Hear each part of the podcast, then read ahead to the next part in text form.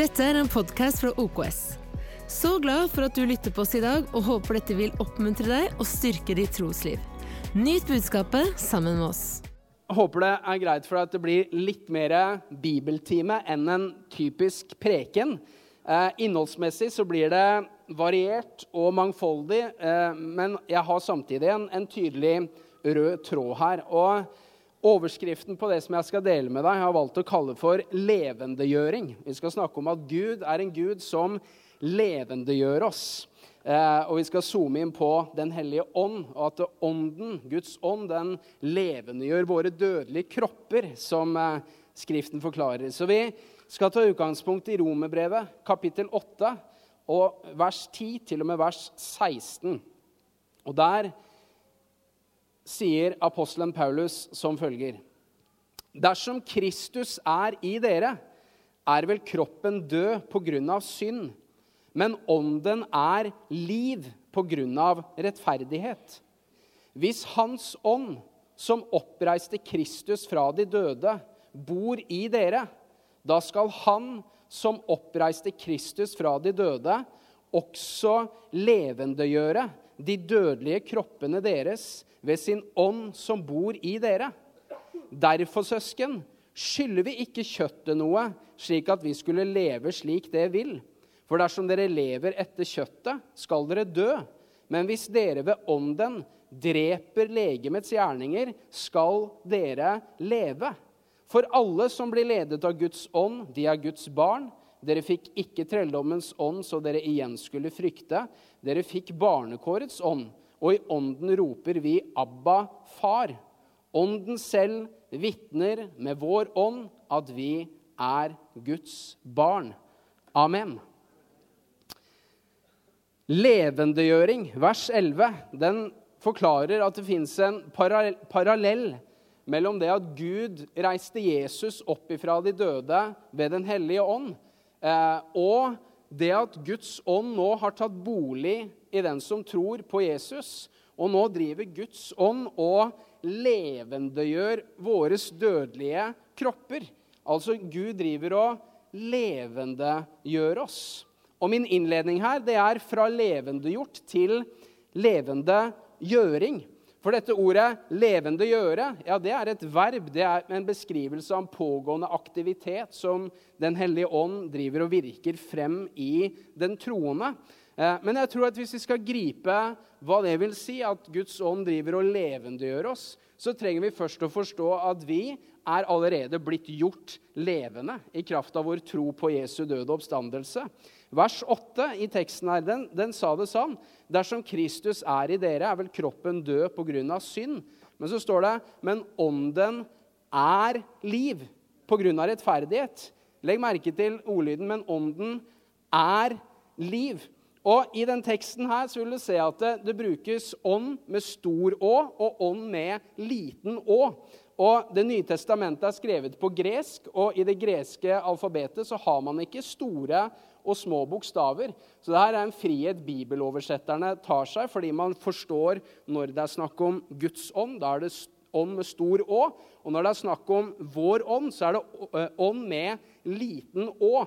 Eh, siste verset skiller veldig tydelig på det, hvor det står at Hans ånd vitner med vår ånd. Så du har Hans ånd, og du har vår ånd.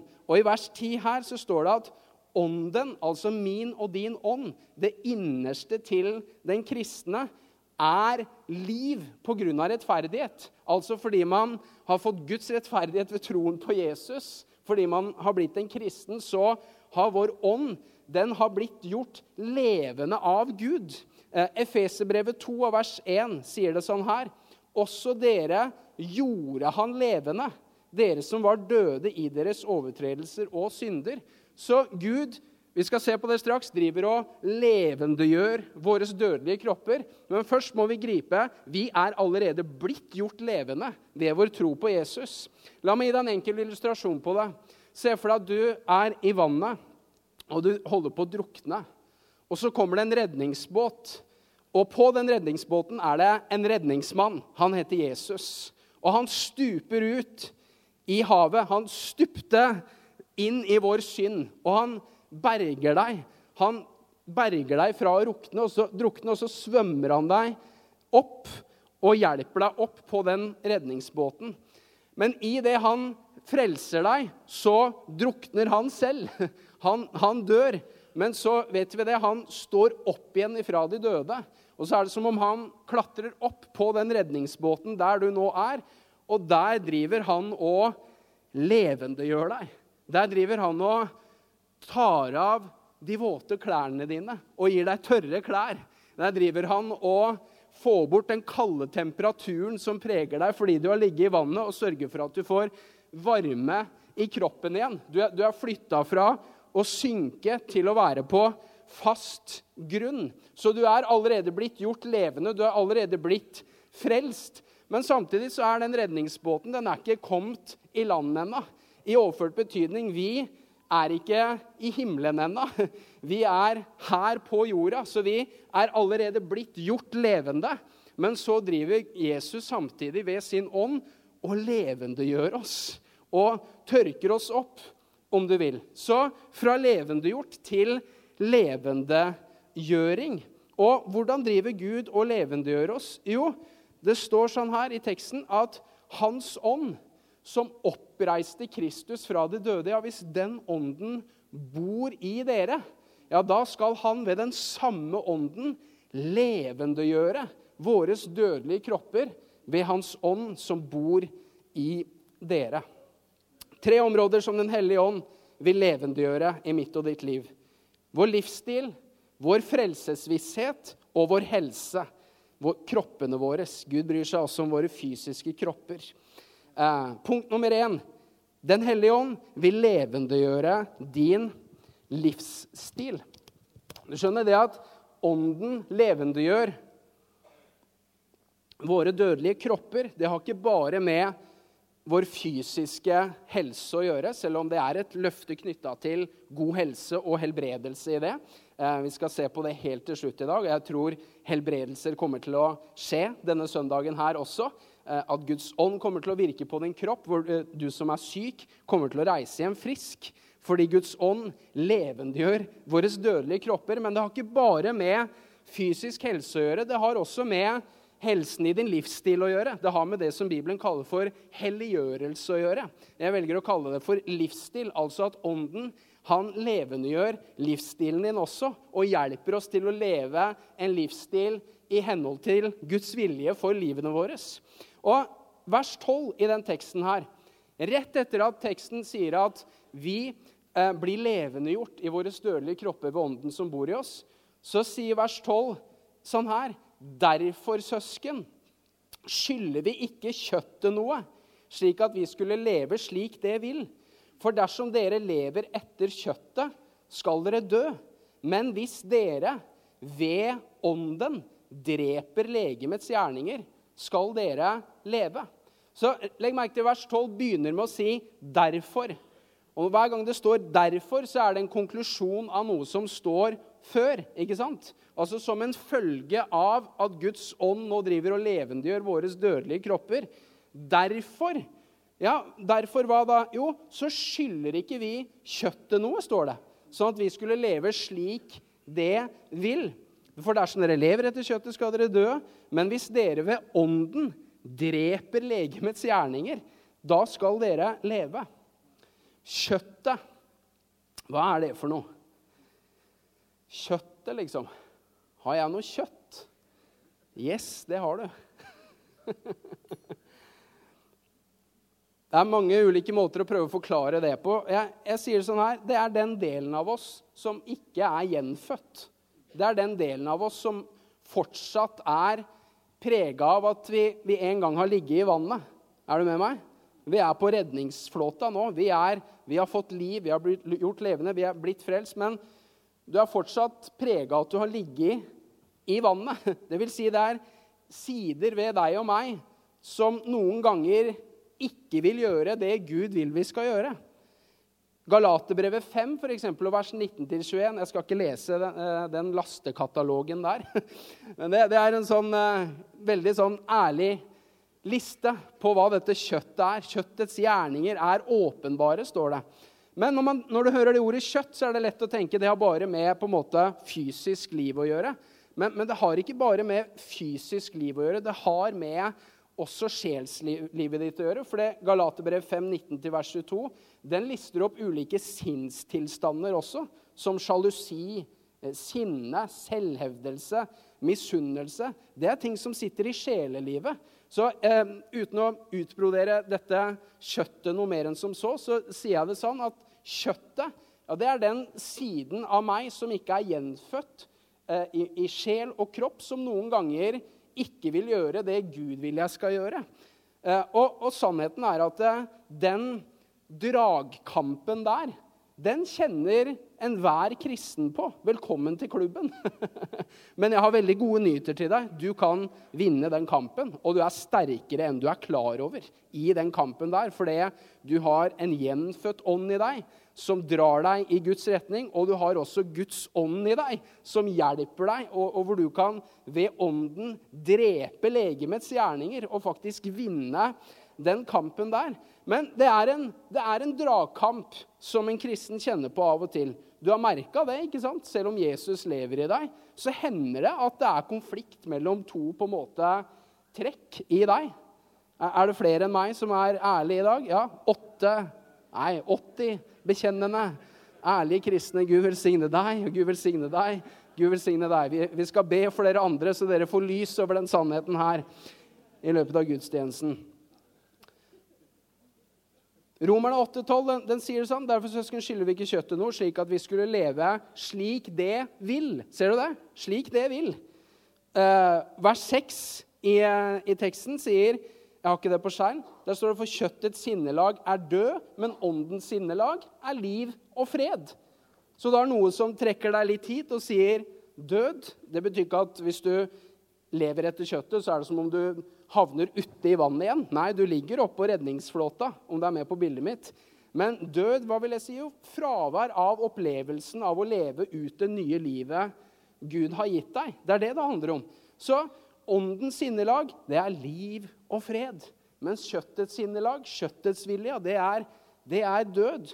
Og denne dragkampen kjenner vi alle på. Et siste vers, og så skal vi illustrere det. Og jeg skal få hjelp fra tre stykker. Dere kan komme opp på scenen, Markus og Benjamin, og så skal jeg kalle på nummer tre etter hvert her. Galaterbrevet 5 og vers 17. For kjøttet står imot ånden, og ånden imot kjøttet. Disse to står imot hverandre for at dere ikke skal gjøre de ting dere vil. Altså det er en, det er en tautrekking som skjer hos en kristen. Du ser mest åndelig ut i dag, så du er eh, et bilde på min gjenfødte ånd. Du er mitt kjøtt. Og det her er på en måte et bilde hvordan inn i deg og meg Her, her har du ånden. Den er liv og fred. Den, den, den liksom sier 'kom her'. Men, men han her, han sier død. Han sier baksnakk. Han er litt misunnelig. Blir litt sint nå. Mens, mens, her så er det kjærlighet, glede Au. Fred. Er, er du sint på meg, Markus? Du er virkelig kjøttet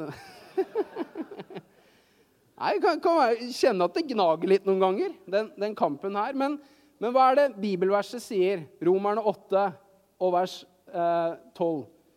Jo, det står at den siste setningen Men hvis dere ved ånden dreper legemets gjerninger, skal dere leve. Altså, En ting er min gjenfødte ånd, som drar meg i liv og fred. Og så har du kjøttet, som noen ganger vil ha meg til å gjøre stikk motsatte ting. Men du skjønner, jeg kan ta parti med Den hellige ånd i meg og drepe legemets gjerninger og vinne over den kampen. Du skjønner, Det, det her kan være litt provoserende budskap for, for den, en som kan kjenne veldig på den kampen her. Men sannheten er du er ikke maktesløs i den kampen her. Du er ikke prisgitt å tape og gi etter for det her. La Guds ord opplyse deg nå om hvor sterk du faktisk er i kraft av at Guds ånd bor i deg. Så når jeg kjenner på den dragkampen her, så kan jeg si, Hellige Ånd, Kan du komme og hjelpe meg? Og du skjønner, Den hellige ånd, han er stor. Han er sterk. Og jeg veit ikke om han går med akkurat sånn genser på seg. Men du skjønner, han er mye sterkere, så jeg kan ved ånden så dreper jeg legemets gjerninger. Ta han, Hellige Ånd. Ta den. og så kan jeg seire over, over det som drar meg. Hør hva jeg sier nå. Den hellige ånd reiste Jesus opp ifra de døde. Og hvis den ånden bor i deg, tror du han er sterk nok i deg til at du kan vinne den dragkampen som jeg illustrerte her? Og jeg kan si ja, det er han. Det spiller ingen rolle. Det spiller ingen rolle hva slags last du sliter med i livet, hva slags synd du sliter med i livet, hva slags avhengighet du sliter med i livet. Du kan ved ånden drepe legemets gjerninger og seire i den kampen her og leve i frihet fra synd. Og, og, kjenne hvordan Guds ånd levendegjør din livsstil. Og, og, du skjønner, Den hellige ånd, Jeg tror på Den hellige ånds ledelse. Den menigheten her er på en måte et direkte resultat av at Guds ånd ikke bare talte, men ropte, som grunnlegger og pastor Åge Åleskjær har fortalt om mange ganger hvor Den hellige ånd talte og sa dra hjem til Norge og start en sann menighet her. Så yes, jeg tror på Den hellige ånds ledelse når det kommer til veivalg i livet. Når det, når det kommer til å ta riktige valg, at Den hellige ånd kan snakke. Vi leser det i Apostlenes gjerninger. Da sa Ånden. Da sa Ånden. Men, min gode venn, jeg tror at når Romerne 8 vers 14 den sier det sånn her, i samme kontekst for alle som blir ledet av Guds ånd, de er Guds barn. Sammenhengen det står i, min gode karismatiske venn, er ikke først og fremst snakk om Den hellige ånds ledelse i livsvalg i forhold til hvor skal jeg bo, hvor skal jeg jobbe, hvor skal jeg studere. Eh, eh, liksom sanne valg.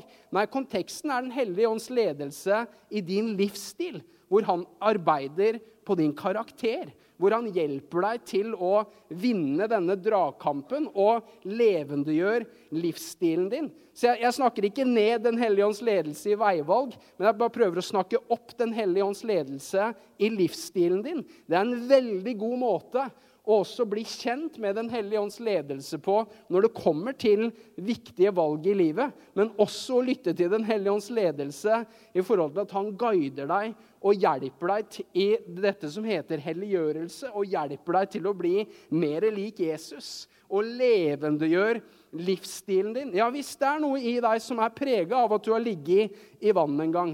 Men samtidig så er det sånn at den ånden som reiste Jesus opp ifra de døde, bor i deg. Og han skal levendegjøre ditt dødelige legeme. Han gir deg kraft og gir deg styrke som gjør at du kan eh, Ved ånden så kan du drepe legemets gjerninger, som vi illustrerte med Tages fine genser på scenen her.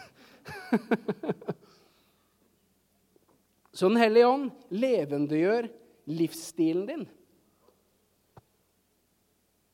Og du er ikke maktesløs i den dragkampen. Du er sterkere enn du tror. Du er sterkere enn du er klar over i møte med fristelser, i møte med synd, i møte med ting som trekker deg i destruktive retninger. Du er sterkere enn du er klar over. Du er ikke prisgitt til å tape, men du er faktisk utrusta til å seire, til å vinne. Det er veldig gode nyheter. Ok, Punkt nummer to. Den hellige ånd levendegjør din frelsesvisshet. Det står I Romerne 8, 16 så står det ånden selv vitner med vår ånd at vi er Guds barn. For en fantastisk sannhet. Du skjønner, Her står det at Guds ånd i deg vitner med din ånd om at du er Guds barn. Også det, det er som det, det pågår en preken i ditt hjerte fra Den hellige ånd som sier til deg du er frelst. Du er Guds barn. Du er på vei til himmelen. Du er rettferdiggjort. Hele tiden så driver Den hellige ånd og bekrefter til ditt indre menneske. er det noe Den hellige ånd er opptatt av, så er det at du skal ha det Bibelen kaller for visshet om frelse. Gud vil at du skal vite at du har evig liv. Vet du at det går an til å vite det? Ved en kunnskap fra Guds ånd så kan du vite Du vet at du vet at du vet at du er Guds barn. Og noen ganger så er det jo sånn at når vi gir etter for kjødet og lever etter kjødet, så kan det snike seg inn ting som fordømmelse. For det, da kan følelsene på en måte spille et spill med oss. Er du egentlig Guds barn, du som lever sånn? Er du egentlig frelst? Og da er det fantastisk å se at Bibelen den erklærer at for den som er Jesus Kristus, Romerne 8,1, der står det så er det da ingen fordømmelse for dem som er i Kristus Jesus. Det er som Thomas har illustrert noen ganger når han har prekt om sammenhengen mellom rettferdiggjørelse og helliggjørelse. Han sier at det kristne livet det, det er ikke at du får liksom en løpebane, og så skal du løpe på best mulig tid, og klarer du å holde budene og reglene og være god nok, så står Gud her med en medalje og sier 'Gratulerer, du, du besto', liksom. Nei, det kristne livet, den kristne troen, det starter med at Gud gir deg medaljen før du begynner å løpe. Hvor Gud legger seierskransen rundt deg først. Og så sier Gud sånn, nå kan du begynne å løpe. Og noen ganger når vi løper, så faller vi. Eh, vi gir etter for det trekket her. Og da kan følelsene spille litt på oss og komme og gi oss litt sånn usikre tanker. Er jeg egentlig et Guds barn? Er jeg egentlig frelst? Men da er det fantastisk å se at Bibelen den erklærer at så er det da litt fordømmelse for den som er i Kristus Jesus. Nei, så er det da ingen, ja. Absolutt ingenting. Det er ikke plass til noe fordømmelse for den som er i Kristus Jesus. Hvorfor? Jo, fordi Jesus tok hele fordømmelsen på seg, på korset. Når han tok alle våre synder på seg, så rammet Guds fordømmende dom over våre synder. Alt vi har gjort, alt vi gjør, alt vi kommer til å gjøre, ble rammet Jesus Kristus. Og Derfor så er budskapet det er ingen fordømmelse for den som er i Kristus Jesus. Og Den hellige ånd han driver og vitner i mitt og ditt hjerte. Konstant så driver han og hvisker i ditt indre og sier, 'Du er et Guds barn. Du er på vei til himmelen. Du er frelst.' Selv når du faller, selv når du gir etter for draget i den retningen her, så vil Den hellige ånd si til deg, 'Du er Guds barn. Du er Guds barn.' Og du skjønner, det hjelper deg også til å snu deg og til å gå i riktig retning. Og når du gjør det, så vil Den hellige ånd si, 'Yes, sånn ja, nå er du på sporet. Veldig bra. Du er et Guds barn.' Du er et Guds barn. Så ånden, den, den vitner, den bekrefter i vårt indre menneske at det er sant, det som vi tror på. Jeg vet ikke med deg, men jeg er veldig opptatt av at det jeg tror på, at det skal være, det skal være sant. Jeg vil ikke bare tro på noe fordi det er fint, eller fordi det høres liksom flott ut. Nei, jeg vil vite er det sant. Er det sant, det vi tror på? Er det sant at Jesus sto opp ifra de døde? Og du skjønner, Gud er opptatt av å gi deg og meg bevis for at vår tro er sann. Det ordet 'vitne' vitner. Det, når det står 'ånden vitner', det er et ord som er tatt ut fra antikkens rettsvesen. Hvor det rett og slett er et ord eh, som ble brukt om en som kom inn som et vitne i en litt sånn vanskelig rettssak, og som kom og la frem et sterkt bevis som avslutta hele saken. Det er hva det, dette ordet innebærer når det står om at ånden vitner. Altså, kan du se, Det er et ord som har å gjøre med bevis å gjøre. Så Gud han er opptatt av å gi oss bevis for at det vi tror på, er sant. Vet du at Jesus, når han viste seg som den oppstandende for disiplene sine, så viste han seg som levende med mange bevis for disiplene sine. Apostlenes gjerninger 1 og vers 3 den sier det sånn her. For dem viste han seg også levende etter sin lidelse ved mange ufeilbarlige bevis. Han ble sett av dem i løpet av 40 dager og talte om de ting som hører Guds rike til. Så ikke kom og fortell meg at Gud ikke bryr seg om å gi oss bevis. Jo, Gud gir oss bevis. Han, Jesus viste seg som den oppstandende med ufeilbarlige bevis for disiplene. Snakker med dem, spiser med dem, underviser dem i 40 dager. Så du skjønner, Disiplenes tro på den oppstandende Jesus det var ikke et eventyr, for å si det sånn. Det var basert på ufeilbarlige bevis. Men jeg og du, vi var jo ikke der. Vi, vi har jo ikke fått det samme ufeilbarlige beviset som de fikk. Ja, det er et spøkelse. Nei, Jesus sier ikke et spøkelse, kjøtt og blod. Det, det kan du ikke spise. Har dere noe mat, liksom? Gi meg, gi meg, noe mat, og så spiser han fisk rett foran øynene for dem og beviser for dem. Det er meg. Jeg har fysisk stått opp ifra de døde. ikke sant? Ufeilbarlig bevis. Men det har ikke vi fått. I hvert fall ikke jeg. Majoriteten av oss som sitter her, har ikke fått den type ufeilbarlige bevis. Det som er fantastisk Her, her bare kommer en digresjon på tre minutter. ok? Kan jeg gi deg et lynkurs i kristen trosforsvar om Jesu oppstandelse på tre minutter? Bare litt sånn intellektuelt snacks på tallerkenen her. Og så skal vi tilbake til Romerne 8, som snakker om at Guds ånd vitner med vår ånd om at vi er Guds barn. For det er, det, jeg skal gjøre et poeng ut av det, det er det absolutt sterkeste beviset en kristen kan ha for at det er sant, det vi tror på. Det er Den hellige ånds indre vitnesbyrd. Men det går også an å faktisk vite rasjonelt med hodet sitt også at jaggu meg er det sant, det, det, vi tror på. Du skjønner, Noen forholder seg til Jesu oppstandelse ved å si at det, er ikke vitenskapelig bevist, sier noen. Men det blir altfor lettvint.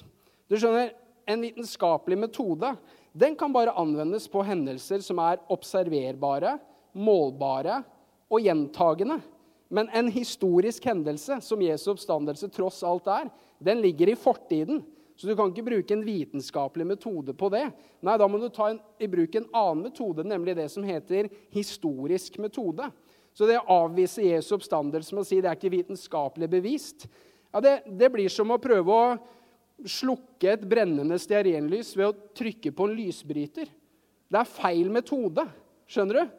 Du så vi må, vi må over i det historiske fagfeltet. Jeg er ikke historiker, men jeg har med stor interesse lest masse om hva majoriteten av historikere har å si om troen på Jesu oppstandelse. Og det historikerne sier, det er at Jesu oppstandelse den oppstår i en historisk ramme som vi kan undersøke i dag. Har du lagt merke til hvor mange personnavn som er i evangeliene? navn på mange steder. ikke sant? Det er ikke Fortellingen om Jesus den begynner ikke ja, det var en gang. Nei, ikke sant? Den begynner med å ramse opp ettertavler, masse navn. Hvor, hvorfor? Jo, for dette, er, dette, er, historie. Er du med meg? Er, kristen tro er forankra i historien, og den kan etterprøves med historiske verktøy. Så hva skjer da hvis man nærmer seg fortellingen om Jesu oppstandelse sånn som man ville nærmet seg en rekke dokumenter fra antikken, fra det første århundret. Hvis man nærmer seg de tekstene, akkurat som man gjør med andre tekster fra antikken, hva, hva vil historikere fastslå da? Er det noen ting her som er historisk sant? Fins det noen bevis for å tro at Jesu oppstandelse er en historisk hendelse? Og La meg understreke to ting før jeg røper svaret. Hva skjer når en historiker vil teste ut det her? Jo, For det første så er det sånn at eh, de vil da undersøke dette kildemateriellet akkurat på samme måte som man undersøker all mulig annen historisk kildemateriell fra antikken. Og for det andre så gjør man denne undersøkelsen helt uavhengig av historikernes livssyn. Så selv religionskritiske, ateistiske, kristendomsfiendtlige historikere de har vi på lag med oss skjønner du, i forhold til å kunne konkludere med at ja, sannelig, vi har bevis for at Jesus sto opp ifra de døde. Så her er hva majoriteten av historikere i dag har å si når de leser eh, evangeliene, leser beretningen om oppstandelsen. Det her er hva de slår fast er historiske fakta. Her skal jeg bare lese et utdrag for deg. Det kommer på skjermen nå. Kort tid etter Jesu død begynte hans disipler å tro at de så ham oppreist fra de døde. De påsto at han hadde åpenbart seg både for enkeltmennesker og for flere grupper. To av disse, som en gang anså Jesus for å være en falsk profet, begynte å tro at Jesus viste seg som levende for dem. Forfølgeren Paulus og skeptikeren Jakob, Jesu bror. Begge ble kristne som et resultat av dette. Vi har derfor ikke bare vitnesbyrd fra Jesu venner, men også fra en fiende og en skeptiker.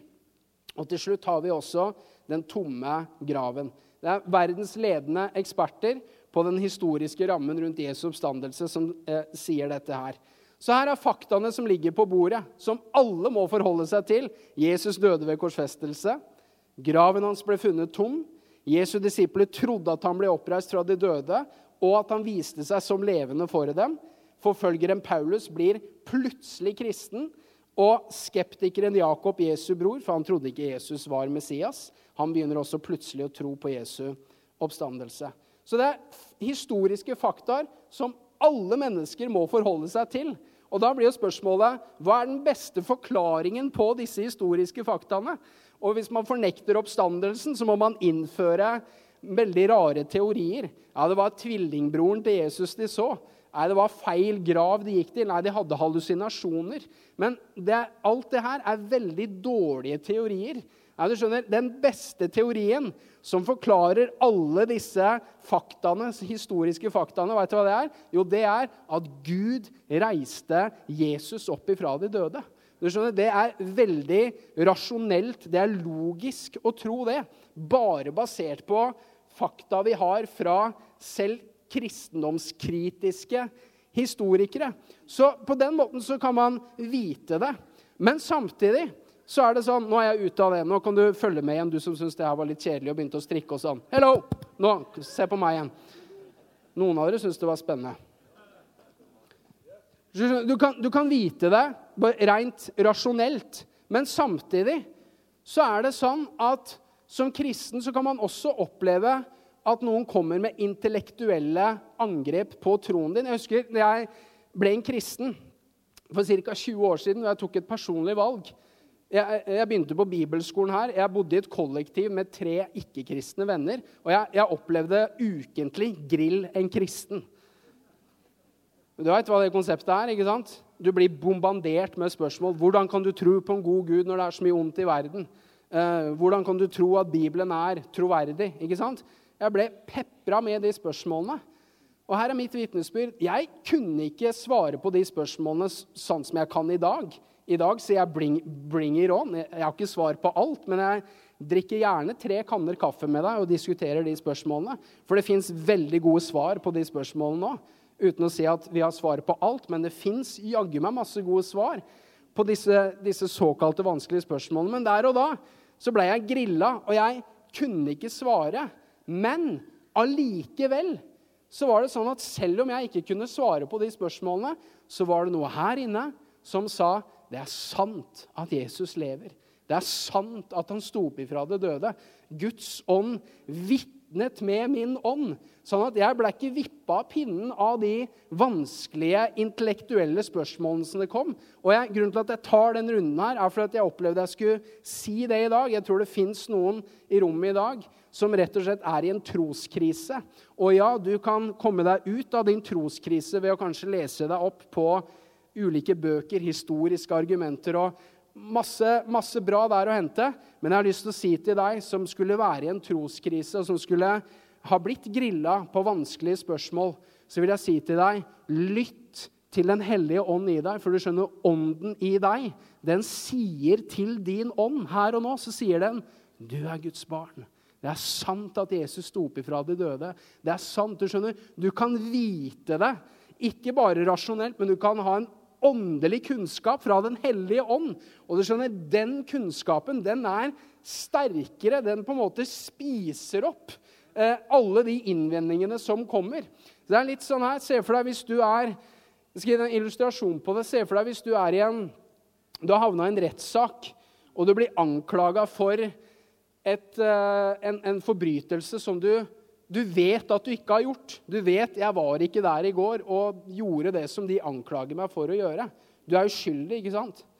Men alle bevisene som legges fram, de taler imot deg. Og juryen til slutt, de, de dømmer deg uskyldig. Men du vet at du er uskyldig.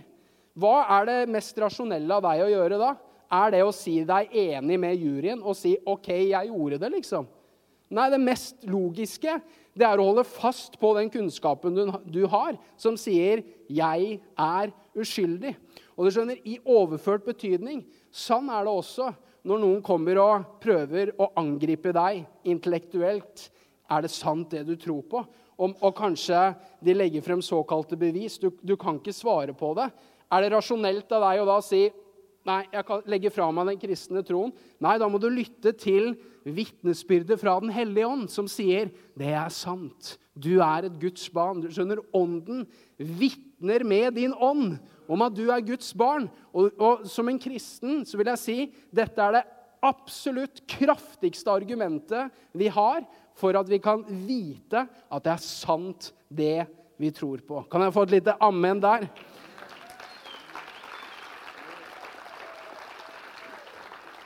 Det er fantastisk. Vi vet at vi vet at vi vet at det er sant, det vi tror på. Fra kunnskapen i Den hellige ånd. Um, kan juletreet komme opp? det vil si keyboardisten. Unnskyld, eh, Alexander Egge. Du tar jo ikke deg sjæl så høytidelig, så da kan jeg kalle deg for et juletre.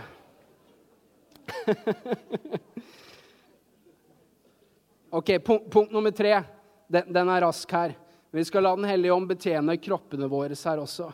Vi skal ta imot liv i våre fysiske kropper fra Guds ånd her også. Jeg sa det blei variert og mangfoldig i dag, men jeg har en, en rød tråd her. Ånden levendegjør din livsstil. Ånden levendegjør din frelsesvisshet. Og til slutt, Den hellige ånd levendegjør kroppen din.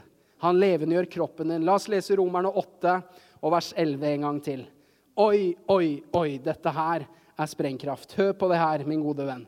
Hvis Hans ånd, som oppreiste Kristus fra de døde, bor i dere, da skal Han som oppreiste Kristus fra de døde, også levendegjøre de dødelige kroppene deres ved sin ånd som bor i dere.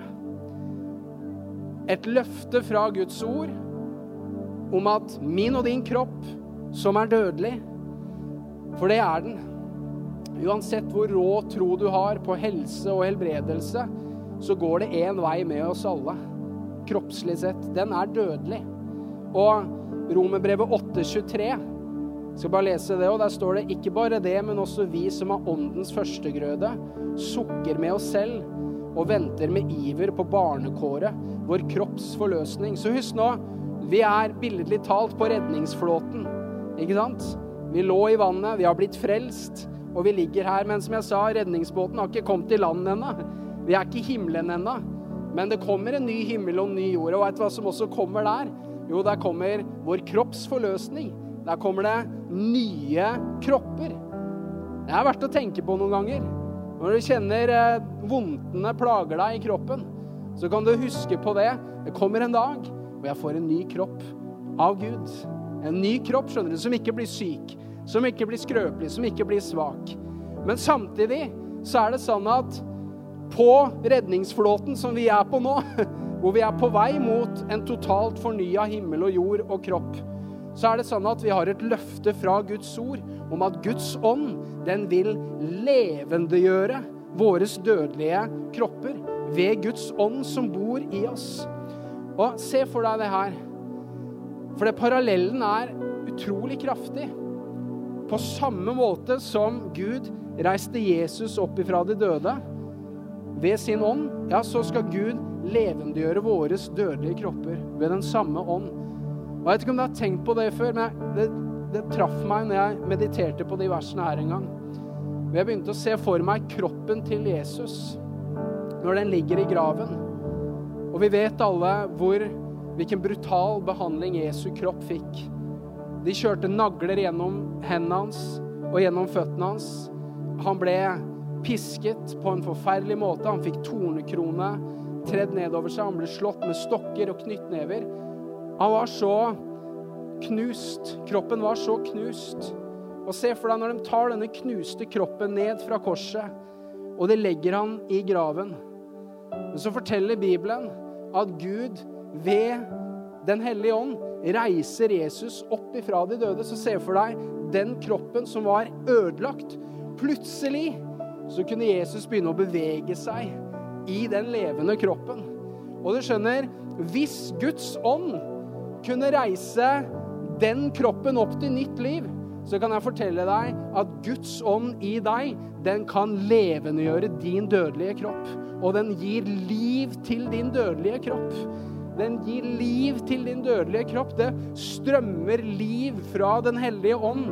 I deg nå så strømmer det liv inn i din dødelige kropp, som gjør at du blir fornya, du blir styrka, hvor du rett og slett tar imot liv og helse fra Den hellige ånd, som styrker kroppen din.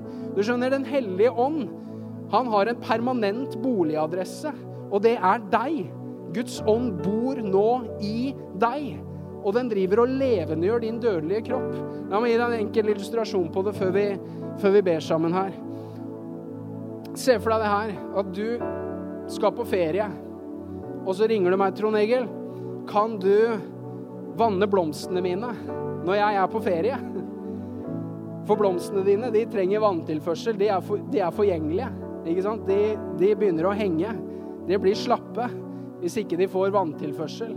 Så vi må vanne blomstene sånn at de får liv, ikke sant? Og jeg sier ja, jeg kan vanne blomstene dine. Men så sier jeg, men vet du hva, istedenfor at jeg skal komme innom deg hver dag, kan ikke jeg heller få nøkkelen til leiligheten din? Og så flytter jeg inn, og så bor jeg der en hel uke. Og så kan jeg drive og vanne og stelle med blomstene dine hele uka. Det er jo kjempefint, for da kommer du hjem til friske blomster, vet du. Som lukter godt, og som er spreke. Og hva er illustrasjonen min? Jo, du skjønner, illustrasjonen min det, det er som følger. Den hellige ånd har flytta inn i deg, og det er som om han driver og vanner deg fra innsiden. Vanner kroppen din og eh, gjør deg levende. Driver og levendegjør din dødelige kropp. Og det er et fantastisk løfte fra Guds ord som vi har i forhold til at yes, vi har ikke fått nye kropper ennå, men det går an til å få en forsmak av den nye kroppen som kommer en gang, ved at Guds ånd levendegjør din dødelige kropp. Levendegjør din dødelige kropp. Amen. Takk for at du tok deg tid til å lytte på en av våre podcaster fra OKS. Vår visjon er å bringe Jesus til mennesker i vår verden, og mennesker i vår verden til Jesus. Følg oss ellers på vår YouTube-kanal og sosiale medier. Du er velkommen til å besøke en av våre kirker. For mer informasjon, sjekk ut oks.no.